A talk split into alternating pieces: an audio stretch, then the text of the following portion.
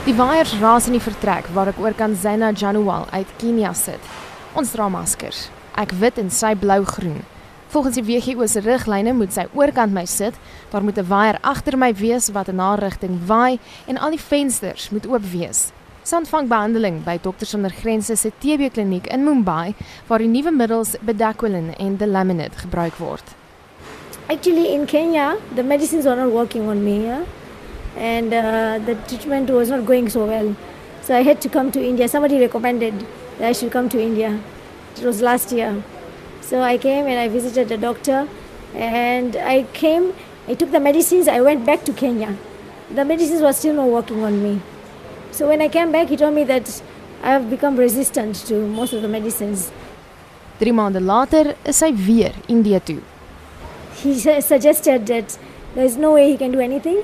That there are some medicines which are not accessible. Even the hospitals cannot access them. So only MSF, he suggested, is an organization that can help you.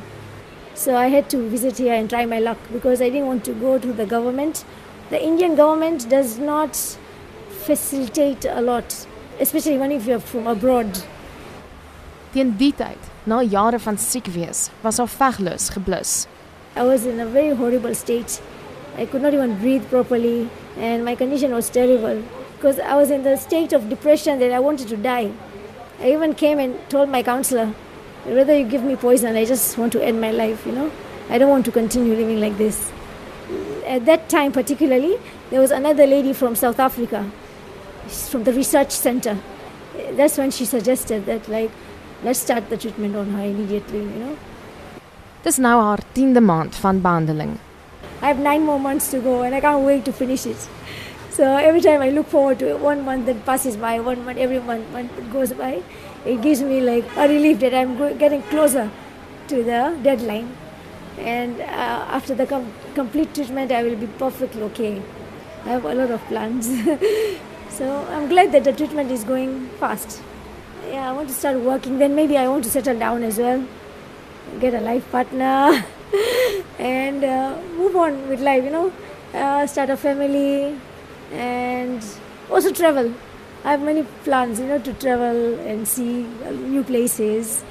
Like I have a vision that I have to meet this particular thing. Sy laan fase 3 dwelmweerstandige TB en volgens haar is Kenia nog nie gerad om die fase aan te pak nie. Most Africans are not well off and they don't have that ability to travel for further research on medicines and all that, or get access to other medicines. So they just go to their villages and end up waiting for their life to end, you know. It's very rare that you'll find people reaching the third stage. Those minority are not catered for. They just opt to die. Sy beklemtoon die belangrikheid van geestesgesondheid. Because I was mentally very strong, I said I'll give it a shot, I'll try to make myself physically able. I just wanted to end my life. It was it was in such a state, completely weight, fatigued. My lungs were weak, and I would keep coughing all the time. And I didn't have many people who would support me. Like my friends were far away, and I was so embarrassed, you know, of my situation. Eventually, when I came to MSF, the counselor tried to get me out of that mental state, and that way, I felt like I could make it. Nie almal is egter in die posisie waar Zaina uiteindelik opgeëindig het nie. Kort voor my vertrek ontmoet ek Ganesh Acharya uit Nepal by 'n koffiewinkel. Hy het self TB gehad en is vandag 'n aktivis. Hy sê Indië is vol gruwelverhale waarvan alle slagoffers nie gelukkig is so Zaina nie. Tydens die onderhoud was hy besig met die saak van 'n 14-jarige meisie wat van 'n mensenhandelsindikaat gered is en nou TB van die ingewande het. Their mental condition is very weak and she's just crying, vomiting, and that thing.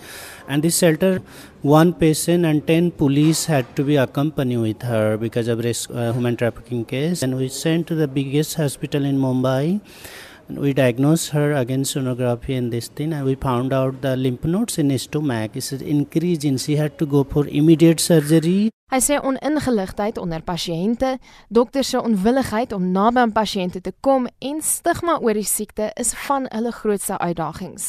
En hoewel Suid-Afrika beter toegang het tot medikasie waarvan hulle net kan droom, sê Goodman Makanda, 'n voormalige TB-leier uit Khayelitsha, daar lê nog baie werk in Suid-Afrika voor.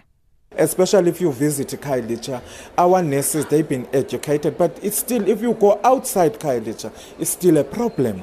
It's same with other countries. It's a areas where they can say, in my area is better, one, two, three, it's happening. But uh, the neighbor is not saying the same thing. So we still have to work together to be in the same level. Elke leier en oorlewende wat met ons gepraat het, beklemtoon dat die nuwe middels bedakwilin en delaminate op groot skaal vervaardig en versprei moet word om te verhoed dat jare van lyding die norm bly. Ek's Marlene Forsie vir SAK nuus.